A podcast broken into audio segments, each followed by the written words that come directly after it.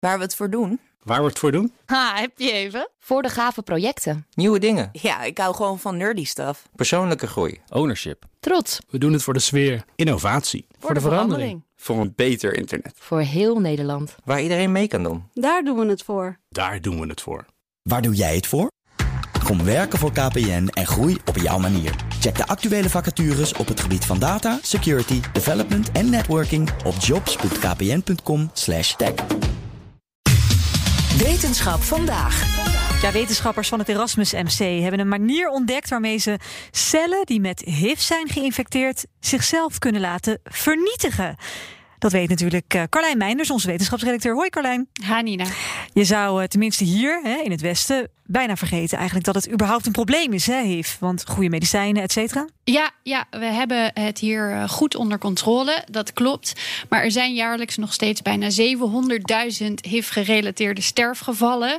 Dat komt vooral doordat een heleboel mensen juist geen toegang hebben tot die HIV-medicijnen of HIV-testen. Mm -hmm. En nu, door corona, is dat probleem alleen nog maar groter. Het AIDS-fonds heeft uitgerekend dat dit de komende twee jaar zal leiden tot nog eens 150.000 extra doden. Ah. Bovenop die 700.000 per jaar dus al. Ja, ja, en er komen dus ook nog steeds nieuwe HIV-besmettingen bij. Ja, ja, als je wel toegang tot de juiste medicijnen hebt, ben je niet meer besmettelijk voor anderen. Maar uh, er zijn nog genoeg landen waar die medicijnen niet beschikbaar zijn. En dit geldt overigens voor één op de drie besmette mensen. Die, die hebben dus niet die toegang tot die medicijnen. Dat is hartstikke veel. En die kunnen nog steeds uh, anderen besmetten, ook van ouder op kind ja, bijvoorbeeld. Maar dat kan wel voorkomen worden. Ja, we hebben dus die medicijnen. Uh, het zou voorkomen kunnen worden um, op zo'n manier waarmee HIV-infectie geen dodelijke ziekte meer is. Maar het liefst gaan onderzoekers nog een stap verder. Want nu draag je HIV nog steeds je hele leven bij je. En je moet ja. elke dag die medicijnen slikken. Ja, want als, er, als je dat niet doet, wat gebeurt er dan? Ja, dan uh, kan één dag niet je medicijn nemen in theorie al een verschil maken. En binnen een paar weken of maanden begin je dan ook gewoon weer last te krijgen van HIV-symptomen. En ben je ook weer besmettelijk. Want die medicijnen zorgen ervoor dat het virus zich niet kan vermenigvuldigen. Maar het blijft wel sluimerend slapend aanwezig in lichaamcellen. Nee, dus het is nooit helemaal weg. Nee, nee, maar dat is dus wel wat wetenschappers hopen te bereiken. Een manier om het echt te genezen. Om ook die slapende cellen weg te werken.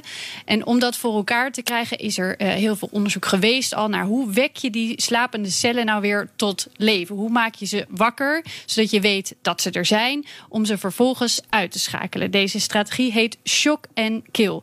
Onderzoeker Sringar Rao legt uit wat zij dan weer daaraan hebben toegevoegd.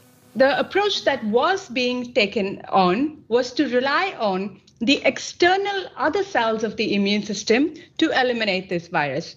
But what we do know is that in people living with HIV, their immune system itself is slightly compromised. So, what we are trying to do is to have this reactivated cell die on its own, so to commit suicide. Oké, okay, en wow. hoe doen ze dat? Ja, hoe laat je een cel zelfmoord plegen? Ja, er zijn verschillende manieren voor. Maar wat ze eigenlijk doen, ze activeren een soort surveillance systeem. Een specifiek mechanisme in uh, wat eigenlijk in alle cellen zit. Dat de omgeving van de cel in de gaten houdt. En, en kijkt, gaat er misschien wat mis in die omgeving. En dat activeren ze alleen in die cellen die dat uh, virus bevatten. So what we are trying to do is to manipulate those pathways so that the viral containing cells, there's a switch that goes on and the cells on themselves are induced to commit suicide because of that surveillance system being triggered.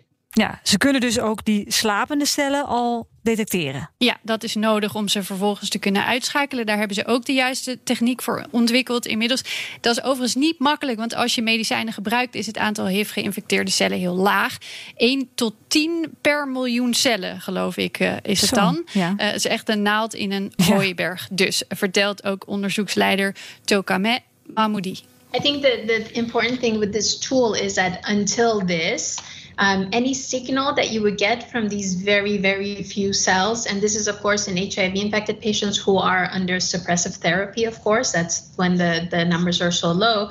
They would essentially get blended out by all the background of the uninfected cells if you look at whole cell populations and without this tool. So now, for the first time, you can actually look at those specific cells, the needles in the haystack, visualize them, look at what's happening to them, look at you know how they're dying, etc. So it's a really powerful technology that we have now running in the lab in the Netherlands. Heel gaaf. En hebben ze dan ook al een medicijn nu klaar? Uh, nee, ze hebben nu eigenlijk de strategie uh, en een goed idee van wat een medicijn zou moeten kunnen om dit succesvol uit te voeren. Allemaal dankzij ook de samenwerking tussen heel veel verschillende afdelingen en artsen en specialisten.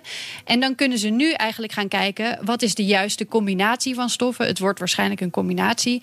En het zou dan heel goed kunnen dat een aantal van die stoffen al gewoon op de markt zijn voor een andere ziekte. Ja ook al goedgekeurd zijn dus. En als dat uh, zo blijkt te zijn, dan kan het ineens uh, een stuk sneller gaan. Mooi. Dankjewel Carlijn.